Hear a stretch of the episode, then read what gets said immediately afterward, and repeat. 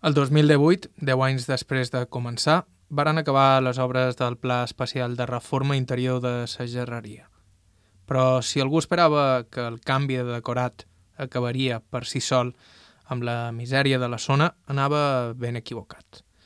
Potser molts dels habitants del barri xino es varen desplaçar cap a altres indrets de la perifèria de Palma i bona part del tràfic de droga es va reubicar a altres zones, com la Soledat o Son Banya.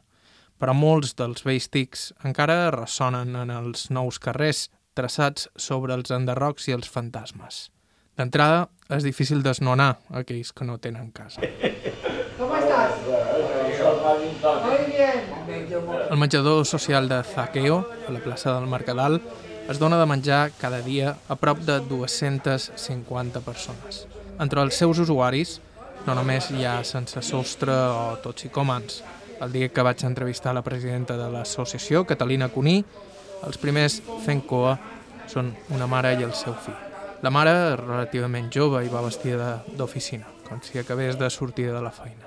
Quan venen segons quines famílies, quan ve aquesta gent, el que t'impacta és ara que va cresquent i que ja no coneixes segon qui dius, que li du passar aquest.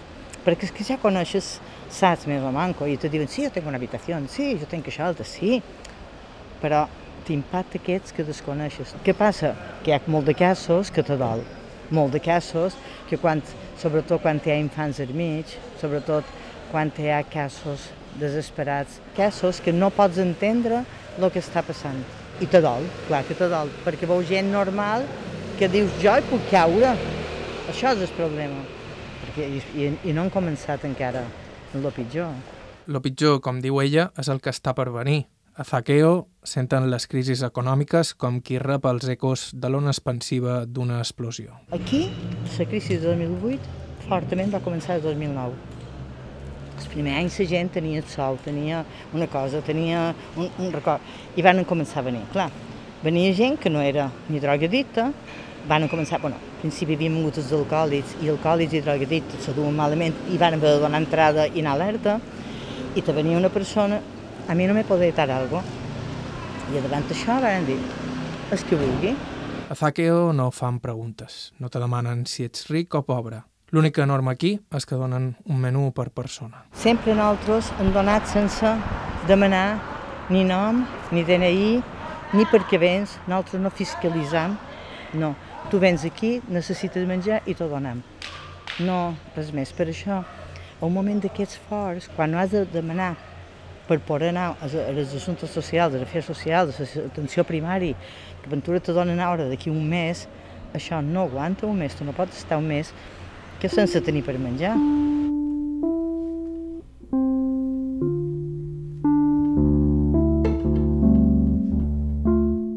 Zaqueo va néixer el 1998, impulsat per Paco Sanz, com a refugi per a la nombrosa població de toxicòmens que pol·lulaven pel barri. Compten en la complicitat de l'associació de veïns. Els de la tercera edat, per exemple, abans de la pandèmia, col·laboraven cuinant per ells.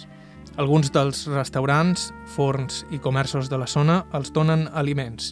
Hi ha una pizzeria veïna que els regala porcions per a tots un cop a la setmana. I després hi ha els voluntaris que donen un cop de mà a diari. Això per jo és la solidaritat i sobretot fugir un poc d'aquesta perquè tots són tan individualistes que això fa que antigament un barri tots se coneixien, un barri tots s'apoyaven. Al barri tot era feien una espècie de, de cos cap a ells i jo també et sorprèn, te sorprèn molt, perquè ha dos, els dos extrems, o més extrems hi ha, dins el mateix barri. L'altre extrem l'han viscut amb les pressions d'alguns dels empresaris de la zona, sobretot amb l'hotel de quatre estrelles que en capital suec va obrir a la mateixa plaça el 2013. Ens varen intentar que tancàssim, que en miràssim un altre lloc i ells ens pagarien la reforma, però nosaltres aquí no paguem lloguer, això és del bisbat, tenim un contracte precari i si haguéssim hagut de pagar no podríem mateix. Per molt que ens haguessin reformat el puesto, sí. també volíem a dir Palma, aquesta gent no se'n pot anar a despolígon a menjar. La tensió entre Zaqueo i l'hotel Palma Suites exemplifica a la perfecció i de forma extrema les tensions que es viuen avui dia en aquell barri i, de fet, a bona part del centre de Palma. Trobar un equilibri entre aquests dos extrems és complicadíssim. Toni Oliver és d'aquells empresaris que et vacunen contra el manicaïsme. Va impulsar dos hotels en el barri i és el propietari de vuit dels locals de la plaça Raimundo Clar. Ell va voler apostar per cert perfil de negoci, així que podríem dir que és en part responsable de que aquell redol s'hagi posat tan de moda. Quan vam invertir, mai se mos va passar per cap canviar el barri, sinó vàrem fer tot el contrari. Mos vàrem integrar en el barri i vàrem dotar de supermercats per donar servei en els veïnats del barri. Han de distingir clarament els dos grupúsculs que queden, que és prostitució i tots psicòmens. Nosaltres no tenim res en contra de cap negoci. Només distingim negocis legals dels il·legals. Volem zaqueo i estimam eh, en el competidor que és l'hotel de Suecs. Nosaltres hem col·laborat amb Zaqueo. Els han anat a fer dinars i hem donat el suport i no ho feim com a rentadora d'animates, sinó per aconsellar que la gent que va a Zaqueo necessita ajuda. Si me demanes, Zaqueo estava ben ubicat? Evidentment no. Hauríem de crear aquests serveis fora dels centres històrics de qualsevol ciutat, no només de Palma. Els, els, els centres de les ciutats han de ser per lluir. Nosaltres ho veiem aquí a la plaça. Com que hi ha tres menjadors a prop, en el final tenim més oferta de menjar gratuït que la demanda que tenim. Ells com coneix, coneixen els horaris, van de local a local i mengen a capritxo, el que els agrada. El que no els agrada acaba en terra pels colomos. Crec que no és just. I no, no ho és. Ni és fàcil treure del carrer molts dels sense sostre que circulen pel barri. Les causes que els han duit allà són molt diverses i alguns s'han acostumat tant a la seva situació que és difícil fins i tot que acceptin dormir en algun alberg. És altra cosa. Una persona que s'acostuma al carrer no, no s'acostuma a dormir a de fora, però no li queda més remei. Però tampoc li agrada l'albergue en si. Cada dia que a vegades han tingut places, però no els va bé. Per què? Pues perquè segons ells me roben, segons ells perden la seva, m'entens? Normalment ells tenen la meva llibertat, o bé perquè s'han acoplat, mm, no tots sols, eh? perquè si fixes n'hi ha pocs que dormen tots sols, sempre són en parella, quan no sigui un puesto que puguis veure. I tenen el seu espai que no te dirà quin és. En aquest carreró d'aquí, sempre me'n recordo que hi havia una portassa i hi havia per entrar els moixos i les persones entraven per allà que era una cosa interpretativa, m'entén? Què vol dir? Perquè han fet d'ocupes tota la vida. Ara tothom ho deu perquè fan d'ocupes a els pisos, però antes era els puestos tancats d'un solar, d'una cotxera, d'una cosa d'aquestes. No sabeu tant, però hi és, eh? hi és. I després hi ha les dones. Les dones duen allà segles, i encara hi són al voltant dels mobles del carrer Ferreria o a la boca del carrer de la Justícia, el nom de carrer més sarcàstic de ciutat. Per a mi, les dones eren el gran enigma, l'inici de tot i necessàriament el seu final. La darrera peça del trencaclosques de la porta de Sant Antoni i la més difícil d'encaixar.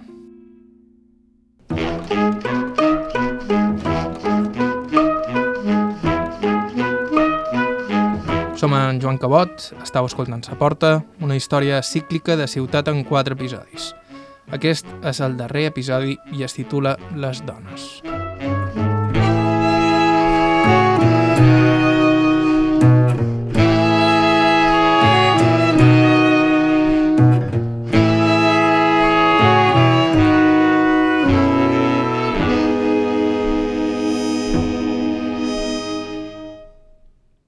Quan vaig posar-me a treballar en aquest projecte, no tenia ni idea de per on començar ni de quina manera acostar-me a les dones que exerceixen la prostitució a la porta. Així que vaig optar per la tàctica directa, plantar-me allà, en la gravadora i tenir paciència. Vaig començar pel bar La Puerta, al principi del carrer Ferreria. De Maricielo, la seva propietària, el du des de fa relativament poc. Las chicas tienen su sitio. Aquí arriba tiene la señora, al lado hay otra señora y en el callejón hay otra señora. O sea que ellas a mí no me implican nada porque ellas no están aquí. Ellas vienen aquí a tomar algo. La Maricielo és colombiana. De jove era ballarina i així va arribar a Mallorca. En el fons, la història de com va arribar aquí no és tan diferent a la de les altres dones que et trobes per allà. Fue que una, la mamá de una amiga iba a montar un restaurante en Gomila. Y entonces nos dijo, no, quédense, que yo les pago 1.500, lo mismo de siempre, les pago 1.500, no se preocupen, yo les dejo mi casa y todo fue mentira, ni nos pagó los 1.500. A raíz de eso nos, yo me quedé con cuatro compañeros del grupo de danza. Ella, des de que es va fer càrrec del bar, està intentant treure-li la mala fama que arrossega. En mi vida yo había peleado, y había discutido y yo nunca he peleado con nadie, pero yo intento hacérmela fuerte. Si tengo que hablar más duro, pues hablo más duro y si tengo que echarlo los hechos y si tengo que quitarle el artículo porque no me quieren pagar, yo se los quito. Pero en lo, en lo normal. Y si veo que la cosa está muy así, yo digo, llamo a la policía. Pero no, no, de momento solo han sido dos veces, pero porque se han puesto a pelear los de enfrente con otros de allá enfrente aquí en mi bar. Entonces, como les digo yo, yo no quiero pelear. Vayan y peleen allá enfrente o pásense. Pero ¿por qué van a pelear aquí si yo no tengo nada que ver?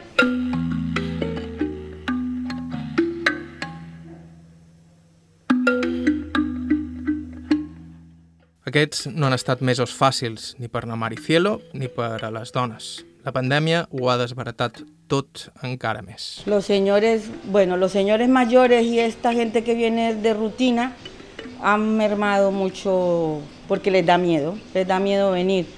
Pero sin embargo hay unos que todavía siguen viniendo, pero hay unos en general que venían más, pero ahora han dejado de venir un poco. Y con las chicas también cuando yo las oigo hablando, ya ellas, los clientes no, no son los mismos.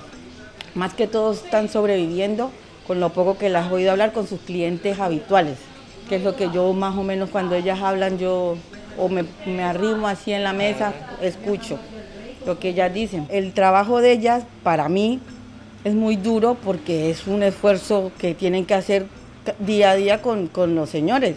O sea, ellas tienen su trabajo, yo tengo el mío, y lo que yo pido es respeto y que no sean vulgares. Ellas vienen aquí, si el cliente las invita, se toman su lo que sea y se van.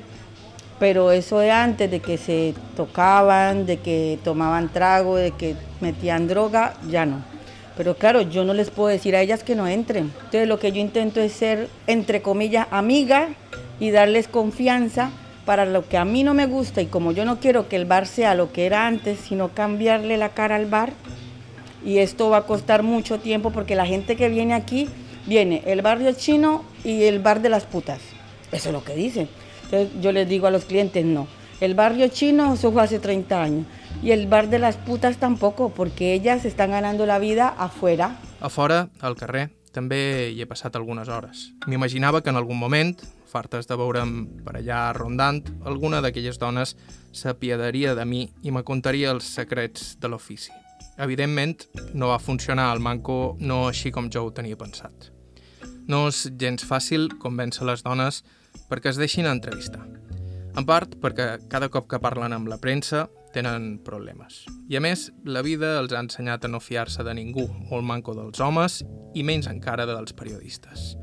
De fet, durant els mesos que vaig estar investigant pel programa, es va presentar ja una periodista d'un conegut diari local que va parlar amb ella soft the record i després va treure un article on el titular era que a la porta es feien serveis per 15 euros. Evidentment, l'endemà, tots els clients volien serveis per 15 euros.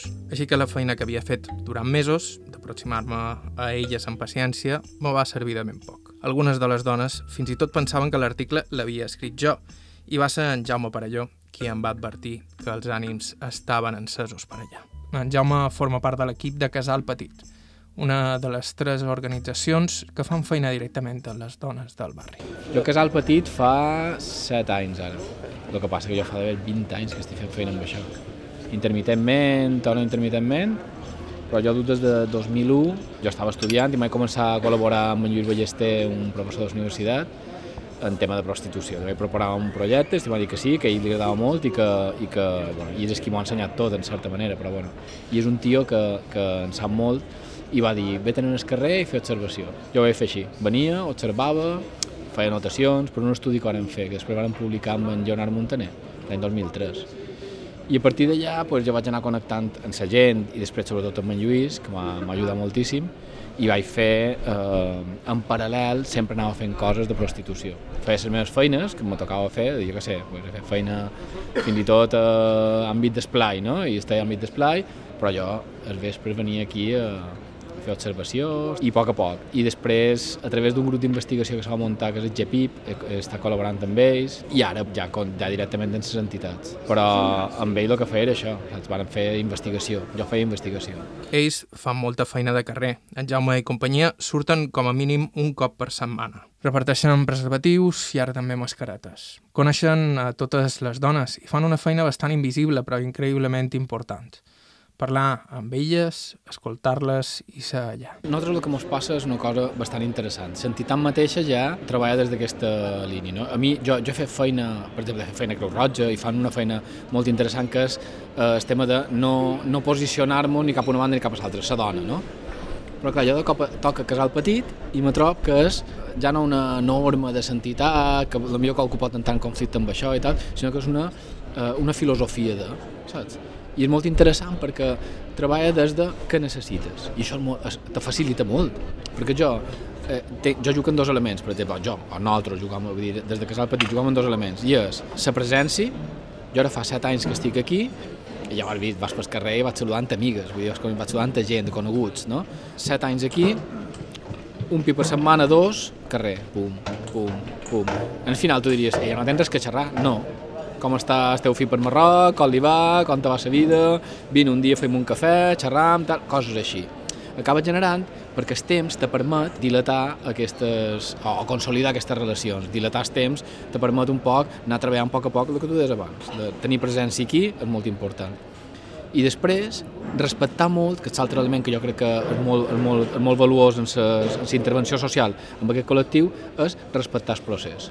Jo ara, per exemple, estic fent un taller en què una de les qui està acabant ara el taller que l'hauries de veure ha fet un canvi espectacular, físicament, anímicament i tal, fa sis mesos va començar i va durar tres dies, literal, tres dies. El tercer dia m'ha dit, jo no aguanto, he de desaparèixer d'aquí, no, no aguanta això, perquè no estava en el moment. En aquell moment li podries dir, bueno, pues ja està, ho has provat i ja està. No, aquí és, ens tornem a moure d'aquí poc. I això, jo no dic que hi hagi programes així d'improstitució que no pots que facin una normativa rígida que te digui, però no tornes, saps? ni molt manco, però sí que nosaltres ens permet fer feina amb el procés mateix de la dona. I clar, jugues amb elements a favor teu, que són la motivació, la necessitat d'ella de dir necessito un canvi, jo ara avui mateix xerraven de la necessitat del canvi, el Covid, per exemple, el que ha provocat amb aquest col·lectiu, és que els lotes que me veien i jo hagués tardat millor 3 anys bons a que procés en nosaltres, ho han fet en dos mesos, eh?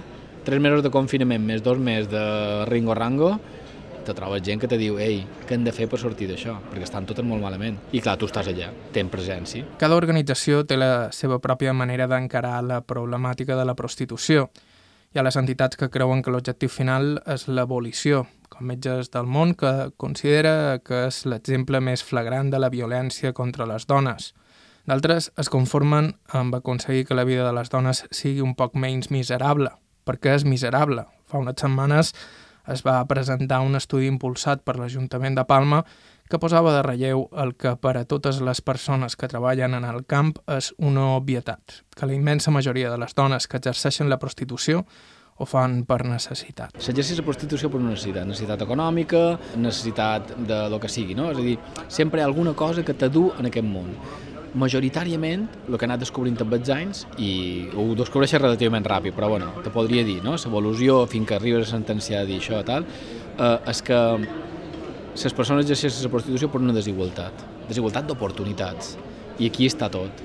Una espanyola per què exerceix la prostitució? Jo vist casos de dones espanyoles que depenien únic i exclusivament de Somo perquè havien deixat els estudis, perquè tenien una trajectòria, saps, de, de currículum molt precària, laboralment, educativament i tal, i acaben exercint la prostitució perquè, perquè Som un bon dia els deixa i els deixa en família pendent. i clar, no hi ha cap oportunitat per elles. I aquestes dones, el cas que jo t'estic explicant ara, per exemple, és un cas que jo molt significatiu, m'ha impactat molt, una lota mallorquina exercint la prostitució. Dius, tio, com? I t'expliques per què i ho entens perfectament. Dius, hòstia, A partir d'aquí es van acumulant els elements d'exclusió. Dona, pobre, immigrant... les dones immigrants d'aquí que estan fent feina aquí t'expliquen la seva situació eh, és que és, és de, de, de, de còmic i tot que una dona que que du 3 anys aquí ha viscut com il·legal 3 anys, perquè ha viscut com il·legal. Els 3 mesos d'estar aquí, supos que ho sap, no? 3 mesos d'estar aquí, um, me convertesc en il·legal. Com a turista, me convertesc en il·legal. I han de passar 3 anys com il·legal perquè jo pugui començar a regular la meva situació com a legal. Val. Però és que, a més, no només això, sinó que necessites un contracte de treball. Però per un contracte de treball necessites estar legal. I per estar legal necessites un contracte de treball. És esperpèntic, és esperpèntic. Clar, eh, són, són normes que estan imposades, que estan allà, i s'esqui gent, pues, trampeja i fa el que pot. Vull dir, saps? I hi ha moments que dius, pues mira, fer el que hagis de fer, saps? Perquè no pots fer res. I a baix de tot de tot hi ha els transexuals. Dins la prostitució hi ha estratificacions, eh? I els transsexuals agafen el darrer escaló de tots, eh? És la misèria més misèria, perquè estan discriminats, estan, estan, estan estigmatitzats, eh, estan rebutjats, però a la vegada estan utilitzats. Jo he, vist, jo he vist pares de família, que jo he estat amb elles en el carrer molt de vespre xerrant amb elles, i dir-me, viene, carinyo, que viene un cliente. I el cliente d'un un cotxe amb el cotxet a darrere, dels nins. I ha sortit a fer una volta, veten a saber què de però... És a dir, els mateixos tios que els estigmatitzen els estan utilitzant, saps? És, és, és un cercle molt pervers. I la prostitució de carrer és només la punta d'un iceberg descomunal. Cap de les ONG que hi treballen pot fer un càlcul massa exacte de quantes dones poden estar exercint la prostitució a Palma ara mateix entre pisos, clubs i al carrer. Com a molt, poden parlar de quantes dones atenen, que juntant dades d'aquí i d'allà són aproximadament unes 2.000, però ningú no sap realment quantes dones exerceixen sense ser detectades. I a tot això caldria sumar-hi a més la prostitució masculina. Aquí ara l'esquiar duen molt de temps. Hi ha mobilitat, però hi ha més mobilitat, d'ambients de prostitució, hi ha més mobilitat en els pisos i en els clubs que no en el carrer. En el carrer n'hi ha relativament poca. És un col·lectiu que està allà i, i fa vida de barri, moltes d'elles viuen aquí, eh? si tenen sort de trobar pis, perquè també el que dèiem abans de gentrificació. El canvi físic del barri els ha, els ha, duites, els ha reduïdes, els ha reduïdes en aquell, en aquell espai. Carrer Justici, principi de carrer Ferreria, es punt. És vera que es vespre algunes d'elles se tralladen a les avingudes, a tal, però en realitat on hi ha el nucli dur de prostitució de carrer Palma, a Palma, tot Palma, de, de prostitució de carrer, és carrer Ferreria i carrer Justici. Per què no estan en un pis? Perquè el pis hi ha moltes normes. En el pis, o en els clubs sobretot, hi ha moltes normes d'horaris, de condicions econòmiques, de clients que t'has de fer i en les condicions que t'has de fer. Xerra, hi ha dones que xerren de que estan, han estat a pisos i clubs, ara mateix mos compten, que els obliguen a fer-ho sense preservatiu. El que el client digui. I estàs dins el club. No estan obligades, no estan forçades a exercir prostitució, però si volen fer feina en aquell pis o en aquell club, ho han de fer de la manera que ells diuen. I clar, hi ha pressions. A vegades pressions molt directes, a vegades pressions un poc més sutils, no? Però hi ha pressions. I clar, en el carrer tenen la llibertat de decidir amb qui està, quan estar-hi i com estar-hi. Però sobretot, i jo m'ho sembla molt interessant, és que es dobbés totes per elles. Val. Aquí hi ha un negoci muntat i és el tema dels moblers. Els moblers són les cases aquestes on van ocupar-se, diguéssim, on van a fer servei. En aquest cas, paguen entre 5 i 7 euros per mitja hora, 20 minuts. Hi ha una tarifa de preus, eh? és molt interessant això. En aquest sentit, el que passa és que l'únic que han de pagar és això. A un club han de pagar sí o sí la meitat de lo que guanyen. I en el, en el carrer se senten més, entre cometes, lliures de decidir com i quan. El client en el carrer també és diferent. Molts dels que es veuen per la porta de Sant Antoni són sobretot gent major o població immigrants. Però en Jaume em desmunta fàcilment i ben prest la idea aquesta de que en el fons aquestes dones estan complint una funció social. Jo tinc dues filles, tio, que vol dir que hi ha d'haver unes, unes víctimes i dir, vos tenim a vosaltres per contenir aquests miserables. Al final estem generant esclaves, víctimes, un grup, diguéssim, per no ser tan bèstia, no millor, però un grup de dones que estan a sus d'aquests pobres miserables. Aquí, en el barri, sí que, sí que el client, el perfil del client, és molt heterogeni també, eh? és, és una passada. Trobes gent molt, molt, molt, però molt major, eh, 60 i pico llarg, a gent jove, que a mi me sorprèn, però bueno, gent molt jove. I dins d'aquest ventall tan ample, el client se defineix segons la seva agressivitat. Hi ha tios que són molt perillosos, segons elles, hi ha tios que són encantadors i tu dius, i clar, jo quan m'ho conten a mi com a tio dic, però hi ha tios que són encantadors dins, que utilitzen la prostitució, hi ha tios encantadors i dius, sí, te fan riure, no? i t'ho passes bé i rius clar, i aquí entra el tema de respecte dir, bé, el teu, el teu univers, el teu món, la teva vida, ja està, si tu gestiones així, ja està, ningú pot jutjar moralment això. Ara bé, les coses que m'arriben dels clients són bastant desagradables. Jo he vist, vull dir, per desgràcia he hagut d'estar quan estàs, quan estem fent feines de treball de carrer, nosaltres ja, jo, per sort, que a mi m'encanta això, vull dir, és una cosa que m'agrada molt, és que acabes d'estar integrant, t'acabes integrant dir el que serien les dinàmiques del carrer. Jo estic allà i tios venen i negocien en sa tia davant meu i jo estic literalment desaparegut, allà podria ser una farola, podria ser tal. I veus com negocien. I és una, és una negociació molt, a vegades, molt desagradable, molt, molt directa, molt materialista, 30, 20, 5 condon, pa, no, no, ja 5 condon, no, carinyo, que no sé què, tal, i aquell, pu, vinga, va, per amunt, saps? Molt directa i, i molt, molt mercantilitzada, que és el que tu deies abans, no? Això de dir, jo pac, jo tenc, saps? I elles, a partir d'aquí, d'aquesta negociació, s'han de posicionar i defensar els seus interessos. I és a dir, no, no, amb preservatiu aquí, si no, no ho fem saps? I després estan de dos bes i negocien el preu i dame 25, no, llevo, llevo 15, saps? Jo ho he sentit en això, davant meu, eh? És un moment molt interessant, eh? Vist des de la part més antropològica podria dir-te que és un moment que dius, uala, tio, estic aquí veient com aquest tio negocia amb aquesta lota. I, i la negociació és una estira fluixa i moltes vegades imposat des de soc tio, tenc els dobbers i tu el necessites i venc imposar-t'ho, saps? I dius, no t'enteres de res, està xerrant amb una persona, ells t'ho diuen, eh? A vegades quan xerram dels clients en el taller, xerram específicament dels clients, fem una sessió només per això, és divertit perquè ridiculitza molt a, a Somo. És molt interessant l'habilitat que tenen com per posar estel, eh, digues vel, o estel davant el que ha de ser, el que tu penses que està duent el control, quan en realitat el duen elles. I què passa? Que, que dones compte que en el final el tio és un pobre miserable, estan en mans de les ties, saps? Si volen, o si tenen les habilitats per fer-ho. Que això és una cosa que entrenem molt en el taller, en xerram molt i l'entrenem molt. Més, més, més que res, en el taller alternativa, per exemple, el que fem és un poc agafar consciència de on estan. I on estan és una situació de risc. I com que és una situació de risc, jo hauria de ser intel·ligent i hauria d'anar un pas per davant de totes les situacions de risc que me poden arribar. I la més important és, és la relació amb el client.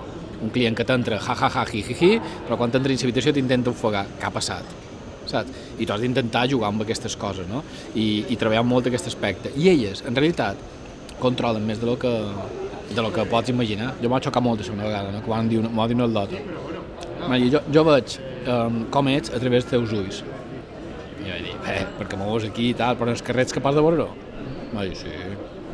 Jo sé perfectament el moment que he d'entrar i el moment que no he d'entrar. No totes tenen aquesta habilitat, però moltes l'han desenvolupada. I això és una qüestió de, de supervivència, saps? Vull dir, en el final acaba sent una qüestió de dir estic en un ambient superagressiu, he de sobreviure a vegades rebré, perquè a vegades rebren, són tios que ja t'he dit que eh, si hi ha hagut homes que han entrat, ja t'he dit, de la maneta d'elles, super bon rotllo i tal, i entram, i fem un servei, tot serà tot molt mercantilitzat com demà, no? Bon, setze, dos bé, pum, em vaig, i entra de dins i es tornen locos, tio. I ses, i ses pràctiques sexuals que els demanen moltes vegades no van en el que han acordat a de fora, però hòstia, està de dins l'habitació, porta tancada, m'entens? Jo, jo sempre penso en aquest moment que deu ser mm, bastant, bastant, bastant angoixant. Sempre hi penso, perquè dius, hòstia, ja ha tancat la porteta, t'havia dit que no volia fer un condon i no ho farem un condon, saps? I tu dius, hòstia, tio, saps, com negocies això? Jo sempre els hi dic, no?, de que moltes vegades els hi rompen els esquemes, no posar-te valenta i cridar i tal, sinó pim-pam, pim-pam, xerrant i va, tu la hauries de fer carinyo tal, i obrir i partir, que no posar-te agressiva, perquè són més forts que elles, això sí que és vera, i poden, poden acabar rebent. De fet, reben, eh? De fet, reben. Hi ha hagut agressions molt greus. De fet, ha hagut un, fa, fa poc hi havia un violador per aquí que passejava, que va violar quatre dones, saps? Se'ns enduen amb els cotxes, se'ns enduen descampat, els violava... Buah, tio, se donen situacions molt, molt violentes. Sí. És la part més desagradable, eh?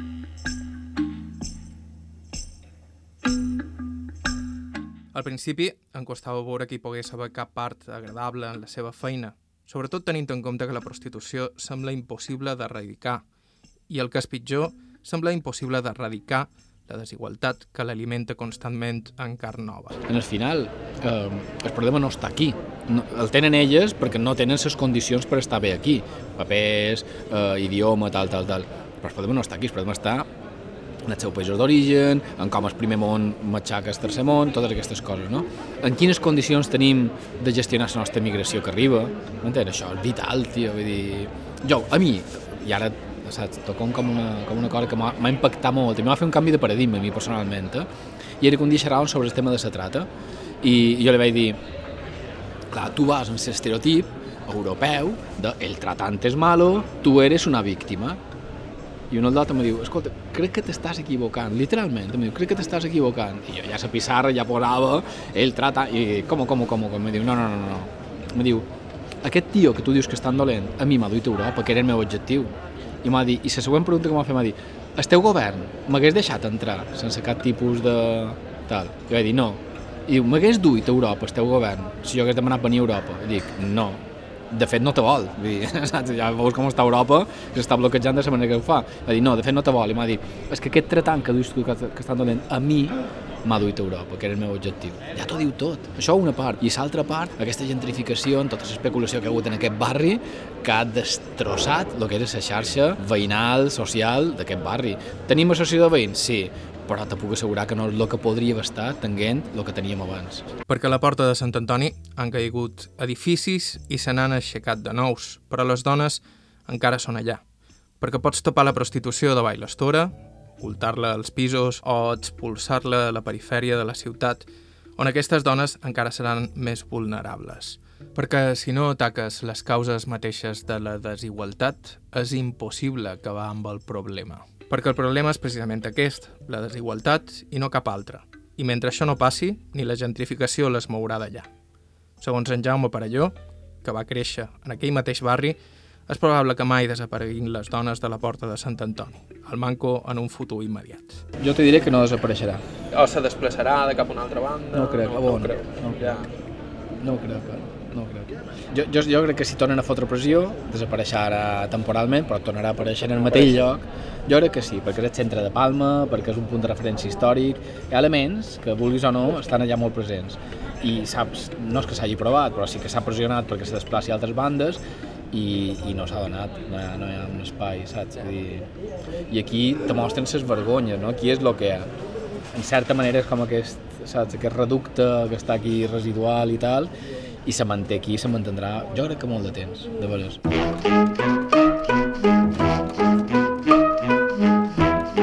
Estau escoltant sa porta, fem una breu pausa i continuem.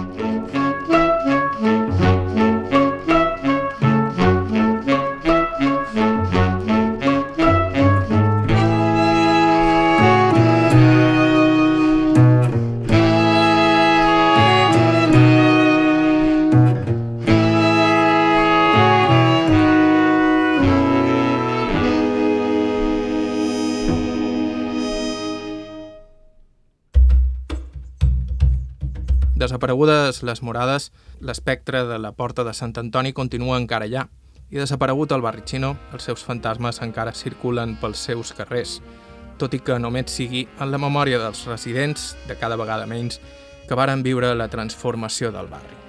Jo, des del principi, vaig tenir clar que això només podia acabar d'una manera, amb Narrafi. Narrafi viu a l'illa des de finals dels 70.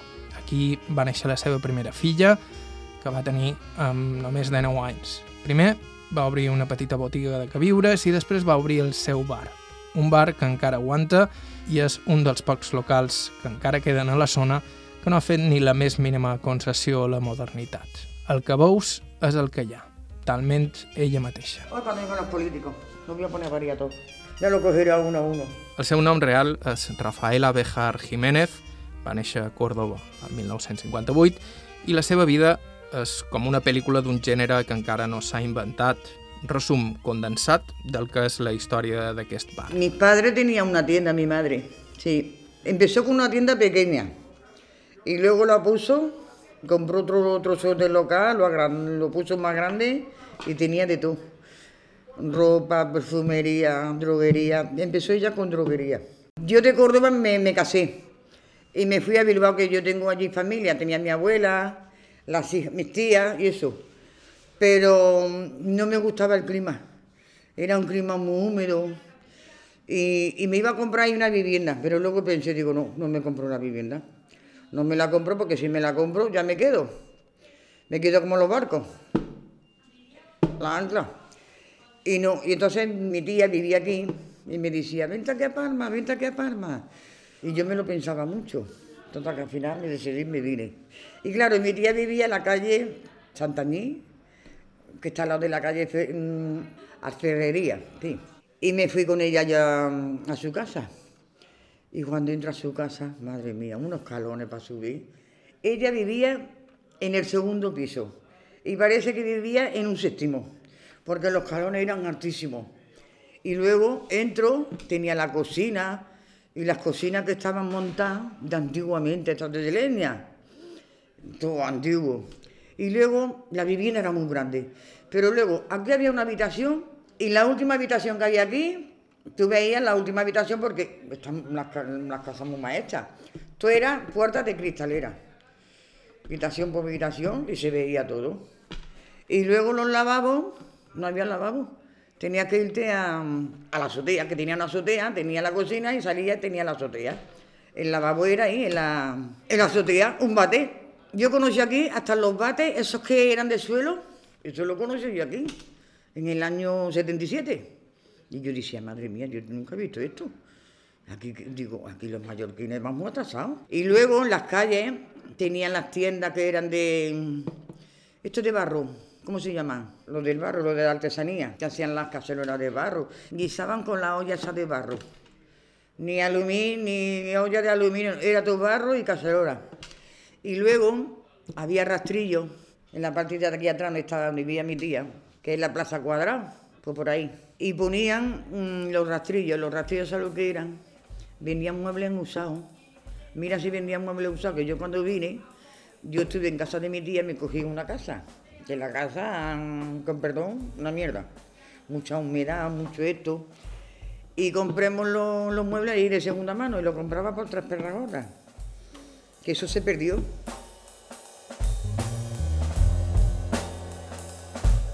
Cuando yo vine aquí, lo que era la prostitución, yo veía una prostitución sana. Porque resulta que en el barrio chino, que estaba en la partita de aquí, donde está la calle, esta se llama Ferrería. Yo decía yo a mi tía, tita, ¿y estas mujeres que están ahí qué son? Dice, son putas. Digo, y digo, ¿qué es una puta? Dice, porque esto y lo otro. Pero era un barrio que los mallorquines bajaban y bajaban a armar y podían dejar la cartera en la barra, que no se lo cogían. Ni había robo, ni era, estaba lo que era la, prosti- la prostitución, pero no había problema. Todo muy bien. Pero claro, aquí se metió que la droga estaba en la calatrava. El ayuntamiento hizo como aquí, restauraron y lo pusieron todo en las casas, hicieron reformas y esto, y claro, y todos los que vendían droga se pasaron aquí, a la zona esta. Y yo, hay que tiempo, digo, hostia, ¿cómo no la jugó el ayuntamiento? Porque era un barrio, porque este barrio, en su año, no de los 77, más atrás, yo para mí que era un barrio, yo no lo conocía, pero me lo, me lo, para ver yo las casas tan grandes, los caserones y todo, eran de gente de dinero, los que vivían aquí antes. Lo que pasa que esta gente se fueron marchando y luego vinieron pues, gente normales y, y se pusieron aquí a vivir. Y claro, había gente normal, eh, trabajadores, a lo mejor se veía algún gitanillo, pero no, no había ni gitano ni nada, era gente, todos los negocios abiertos, porque aquí en la calle, esta de en la calle Longeta, que el hombre murió, tenía una casa que era de, de fotografía, tenía buena clientela. Y en esta plaza de la Plaza Mercadá, que está el hotel este nuevo, ahí había, se le llamaba la bolsa de la televisión. Ahí la gente compraban televisiones y además que compraban televisiones, este señor de la bolsa de televisión alquilaba televisiones, que estaba todo esto lleno de negocios. Pero claro, nos metieron, en el año 80 por ahí, nos metieron la, droga, que yo mí que nos metieron al ayuntamiento. Porque aquí, a meter la mierda, ¿qué pasa? La gente se iba, ¿qué pasa? Si ahora dejan las casas vacías, ¿qué pasa? Que a la hora de despropiar es un gasto menos. Y yo entiendo, por lo que yo veo, que todo esto es rollo de política. Los cambios cuando dan es rollo de política. Que cuando le conviene hacer una barriada de quitar gentuza y de quitar esto, lo quitan. Yo le decía a la policía, Coño, si ustedes saben que están vendiendo droga, ¿cómo que no los cogéis? Rafi, nosotros los cogemos 24 horas, pero los cogemos cuando nos lo dicen. Cuando esto empezaron a despropiar la gente de las viviendas y todo eso, pusieron los juzgados. Y yo le decía a los gitanos, ya no vaya a poder vender droga. Pues yo tenía mucha amistad con los gitanos, ¿sabes? Porque claro, yo a vivir aquí me tenía que adaptar a la vida que había aquí. Lo que pasa es que ellos llevaban su vida y yo llevaba la mía. Yo siempre he estado de, de negocio. Que yo aquí, en esta misma plaza, yo tenía una tienda de comestibles. Sí, primero abrí la tienda de comestibles, que lo cogí en el año 85. Pero claro, yo ahí no tenía ni gitano ni había nada. Se vino uno a vivir y de uno vinieron los clanes. ¿Qué pasa? Que ya la gente, esa era donde yo tenía la tienda de comestibles, es una finca que yo era de vivienda y también se quedó vacía. Al quedarse vacía, ¿qué pasa? Que los que se apoderan de la vivienda son los gitanos. Y eso se convirtió en un clan de, de drogas. Y yo decía, coño, veo los secretos, porque había mucha corrupción con la policía, que yo lo he visto, ¿eh? Yo lo he visto con mis ojos, ¿eh? Y esta gente que no los coge, que no los coge. Y yo, para saber la verdad, digo, cogí confianza con los grupos de estupefacientes, que era el grupo primero. Y yo me lié con uno de los policías, que los dos hijos que tengo son de. Pero yo me metí con ese policía porque yo me veía ya sola con esta gentuza y me lié con él. Digo, pero también me voy a liar con él porque quiero saber qué misterio hay en comisaría. Aquí tiene que haber un algo, porque aquí se vende la droga como si fueran patatas. Mm, tírame una y una, y la tiraba con unas pinzas, y luego tenía un punto abajo que era el que cogía el dinero. Y yo decía, aquí nunca los cogí, los cogí. Salía en la última hora las casas con una bandera donde se vendía droga.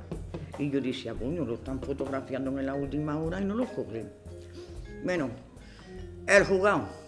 Y me, vi- me viene un periodista, me hace una entrevista, ahí en los barcos. Y me dice, ¿usted cómo ve que el barrio? Digo, pues mire, por unos lados estoy muy contenta que lo cambie. Porque le voy a decir una cosa, yo no me cortaba, ¿eh? Yo lo decía, si ponen los juzgados, este rollo que tenemos de droga se va a terminar. Digo, porque llevamos muchos años luchando con estos temas y no hay nadie que lo quite. Siempre están los mismos vendiendo. ¿Y qué le parece el edificio que tenía en la tienda? Me pregunta, ¿qué le parece este edificio? ¿Qué es lo que se va a hacer? Digo, pues mira, ahora te voy a preguntar. Este edificio es muy viejo, se está cayendo. Dice, no, este edificio pues lo vamos a dejar, que la gente se le va a despropiar, se queda vacío y luego lo vamos a restaurar. Lo restauró el ayuntamiento, que son los que tienen a esta gente mayores, que le cobran un alquiler, le cobran un alquiler, según las pagas que cobran, así le cobran el alquiler. Y, y así. Pero cuando estaban las, las prostitutas, a lo primero, yo veía, ¿cómo te digo yo? Que había confianza, no había problemas. Venía mallorquín, si venía a buscar una mujer, se la buscaba, y si no, venía con los mallorquines con sus amigos, se liaban de copa, esto. Y luego en la calle Ballester había una casa que era de, de bailarina. Y allí los mallorquines venían del pueblo y estaba siempre lleno. Pero era una cosa sana. Pero ¿qué pasó? Que vino la mierda esta, los macarras de las prostitutas, ellos mismos se engancharon al caballo, porque aquí lo que entró primero fue el caballo. El caballo fue lo que se metió aquí. Y claro, los macarrones, como le dicen macarrones, los de las prostitutas, se engancharon. Y a raíz de engancharse los macarrones y todo eso ya todo se parató. Venían los americanos aquí al barrio.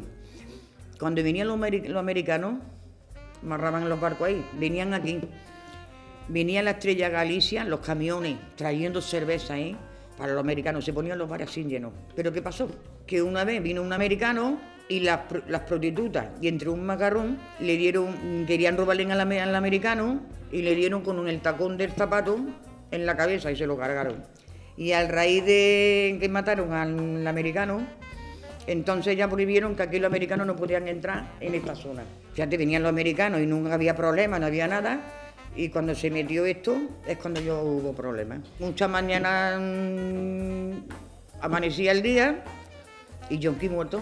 Y luego otra cosa, donde está el juzgado hay una plaza muy, grande que ahí van muchos bares.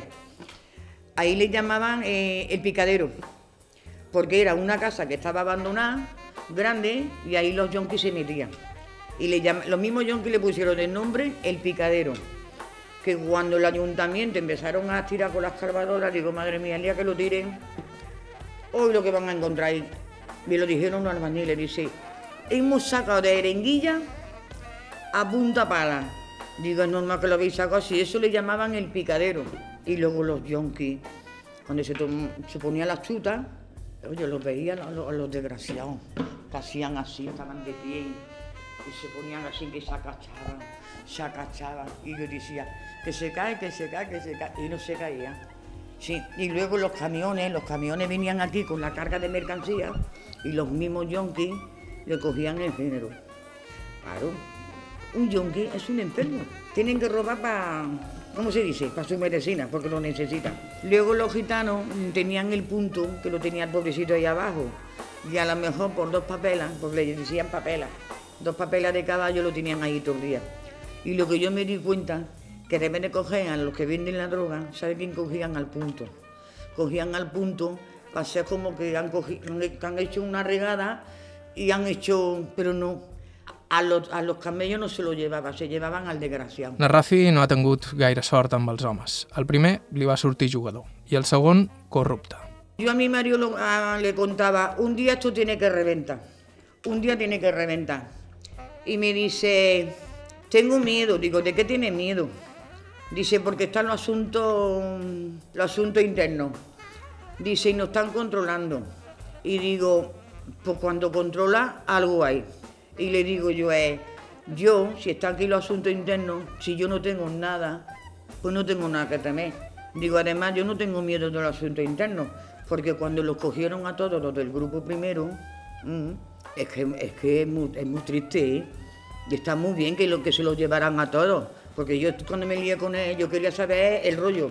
Hombre, se iban a los policías, a los chales de los gitanos, se hinchaban de jamón, de esto, de lo otro, ¿sabes? Y yo sentía muchas veces al policía que estaba conmigo, el que quiera vender me tiene que dar medio millón de pesetas, si no, no vende. Y yo cuando decía, digo, pues cuando lo dice, es porque lo hace. Yo al policía lo mandé a la mierda. Y me quedé yo con mis dos hijos, yo los crié y todo. Y eso, me di cuenta que era un policía, porque no se preocupaba ni de mi hijo ni nada. Y lo- claro, se fueron los gitanos. Y ahí se los gitanos ya, pues digo, sí, a esto lo mando ya a la mierda. Este ya no lo necesito. Ya no me tiene que... Yo puedo que los gitanos no se metieran conmigo ni nada. I així el va despatxar. La Rafi no necessita ningú. Però el seu exmarit no és l'únic policia corrupte que circulava pel barri xino. La droga generava moltíssims doblers i molts d'aquests duros van acabar invertits en la roda d'especulació i reforma de finals dels 90. Fins i tot els bancs festejaven els camells i els seus doblers negres. El Pepote, el Pepote, era un tío que era inspector comisario. Y le digo, Pepote, mira que me tengo que comprar, me voy a comprar este local, me va a dar el banco la, la hipoteca para acá. Y me dice a mí el Pepote, Rafi, a ver si te enteras de un edificio que se compre entero. ¿Un edificio entero? Digo, si aquí los edificios lo están vendiendo por un millón, un millón de euros y luego a comprar el edificio entero por un millón de euros, luego tienes que reformarlo tú. Y le dije, ¿de dónde vas a sacar tanto dinero? Y yo entre comillas le digo yo a su compañero, joder con el pepote. Digo, que se quiere comprar un edificio aquí en el barrio entero y luego hacerle la reforma. Y le digo yo al pepote, tú solo no lo vas a hacer, ¿no? Dice, no, la vamos a hacer con unas cuantas gente. Y luego a los tres meses que pepote me dijo lo del edificio, lo veo yo en la última hora. Digo, hostia, con el pepote. Con razón quería comprar el edificio y quería hacer la reforma y todo. Digo, claro, la quería hacer la reforma y comprar el edificio a costa de la paca. Por eso digo que ahí había mucha mierda en la comisaría. Era un policía normal. Estuvo subiendo para arriba. Pero ¿sabe cómo suben esta gente? Porque claro, entre comisaría y entre traficantes es un juego, es un pachín. Los traficantes le dan servicio de gente. Mira, que me van, a ellos mismos, me van a traer ahora mismo dos kilos de chocolate. Se lo dice el mismo camello, me van a traer dos kilos de, de- de chocolate. Claro, a mí me lo van a traer, pero yo antes que me lo traiga aviso a los secretas que me lo van a traer. ¿Qué pasa? Que cuando lo van a traer lo pilla. Eso es un servicio. Y claro, y cogen los dos kilos. ¿Y qué pasa? Al padre de, mis hijos, el policía le dije, no, su mismo padre, le dijo, hijo mío, no me se va a olvidar esas palabras. Dice, ¿qué es un confidente? Y dice el hijo, papá, los confidentes son que nosotros les dejamos vida. Les dejamos vida, claro, la vida es que le dejan vender droga, le dejan hacer todo lo que les dé la gana. Y ellos, cuando hacen un robo de una joyería, nosotros nos enteramos por ellos. Porque si no nos enteramos por ellos, nosotros no cogíamos, no nada. Y todo lo que coge es todo a base de, de lengua. Así va tema. Por eso aquí vendían, no le hacían nada. Si eran confidentes. Y luego se ponían gente a vender droga que lo necesitaban de verdad, eso lo he visto yo con mis ojos, y ponerse a vender y a los cuatro días lo han cogido. ¿Eh? Y esto que llevaban años, años, años vendiendo no lo coge. ¿Eh? Eso lo he visto yo con mis ojos. Y le dije yo al padre, siempre cogéis a los pringados, a los que no tienen. Pero a los que están bien puestos, no. A mí, llamadme el banco. El nombre del banco no lo voy a decir. Llamadme a mí el banco el día de la lotería, del sorteo de la Navidad. Me llamaba a mí el banco para que yo le dijeran a los gitanos que tenía lotería premiada del gordo. Que pasaran por, la, por el banco y cogían los gitanos y compraban los décimos. Y luego llegaban los banco me va a tocar la lotería. Lo compraban para blanquear. No, mira, sí, hasta los bancos están metidos en estos rollos. Alguns d'aquells doblers varen finançar la reforma de la gerreria, una paradoxa més en una història plena de contrasentits i girs impossibles. Els traficants i els policies corruptes ja no són per allà, només queden a Rafi i la terrassa del seu local en un entorn que de cada vegada a més veïnats els costa reconèixer. ¿Sabes lo que pasa ahora? Que ahora el barrio cambió. Antes nos conocíamos todos. Y ahora la gente viene aquí a vivir y no, no nos conocemos. Porque esto de, de los bares, yo aquí no se ha perdido mucho. En la historia de que vienen los, los chavales, los jóvenes, y a lo mejor se sientan en la terraza, y a lo mejor yo tengo 10 mesas puestas, y esas 10 mesas están llenas. Pero que claro, la gente que están sentados, casi todos se conocen. Y a mí me dice muchas veces la gente que se sientan en mi terraza, y me dice, Rafi, es una pena porque se ha perdido aquí todo, se ha perdido la alegría que había.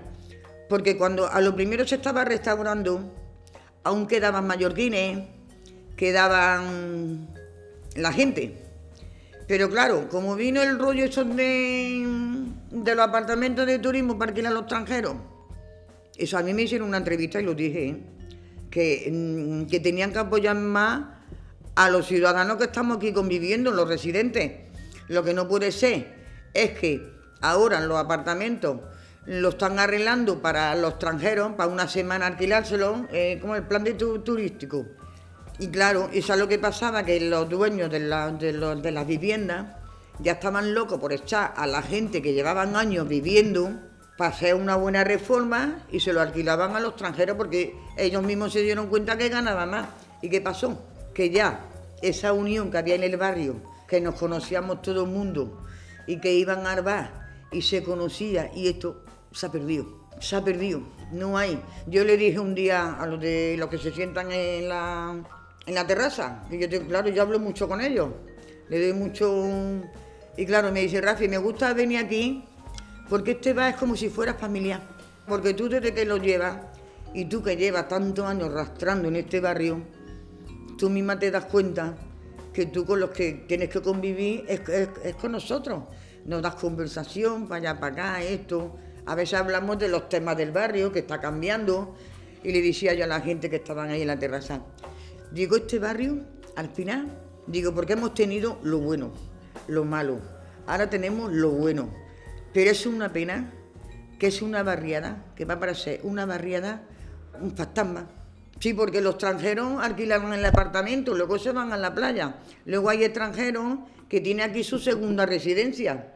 Viene para dos meses, pero luego la casa la cierran y se van a su país. No hay gente aquí. No hay. Es lo que yo dije, esto va a ser un barrio de fantasmas. Es que los extranjeros se están quedando con todo. Y le dije yo, hijo mío, comprarlo vosotros. Nosotros somos los primeros. Si los extranjeros lo compran, es porque ustedes se lo estáis permitiendo. Digo, porque aquí hay mallorquines que tienen dinero. porque no lo invierte. Tant de bo el món fos així de senzill i es regís per aquesta lògica. Per desgràcia, les coses són un poc més complicades. Quan la vaig entrevistar, na Rafi l'acabaven d'operar d'un càncer, però continuava incombustible com sempre. Com les dones del carrer Ferreria, ella i el seu bar són com un vestigi d'una era que sembla condemnada a desaparèixer, però així tot es resisteix a fer-ho com si tot el pes de la història de la porta de Sant Antoni al final recaigués sobre les seves esquenes, sobre la de les prostitutes del carrer de la injustícia i les d'aquesta forastera batalladora immemorable. En tot cas, aquesta història encara no té un final clar. Ni na Rafi ni jo resoldrem ara la tensió entre la palma dels turistes i la palma dels ciutadans, entre la dels rendistes i els que no tenen on caure morts la palma dels yonquis i la dels comerciants. Aquestes coses les haurem de resoldre entre tots un poc. O bé ho resoldran l'especulació i les excavadores. Al cap i a la fi, així és com sempre han fet les coses aquí. Este libro tiene que seguir con, más páginas, porque aún el barrio no se ha terminado. Este libro no se ha terminado, aún hay que escribir más.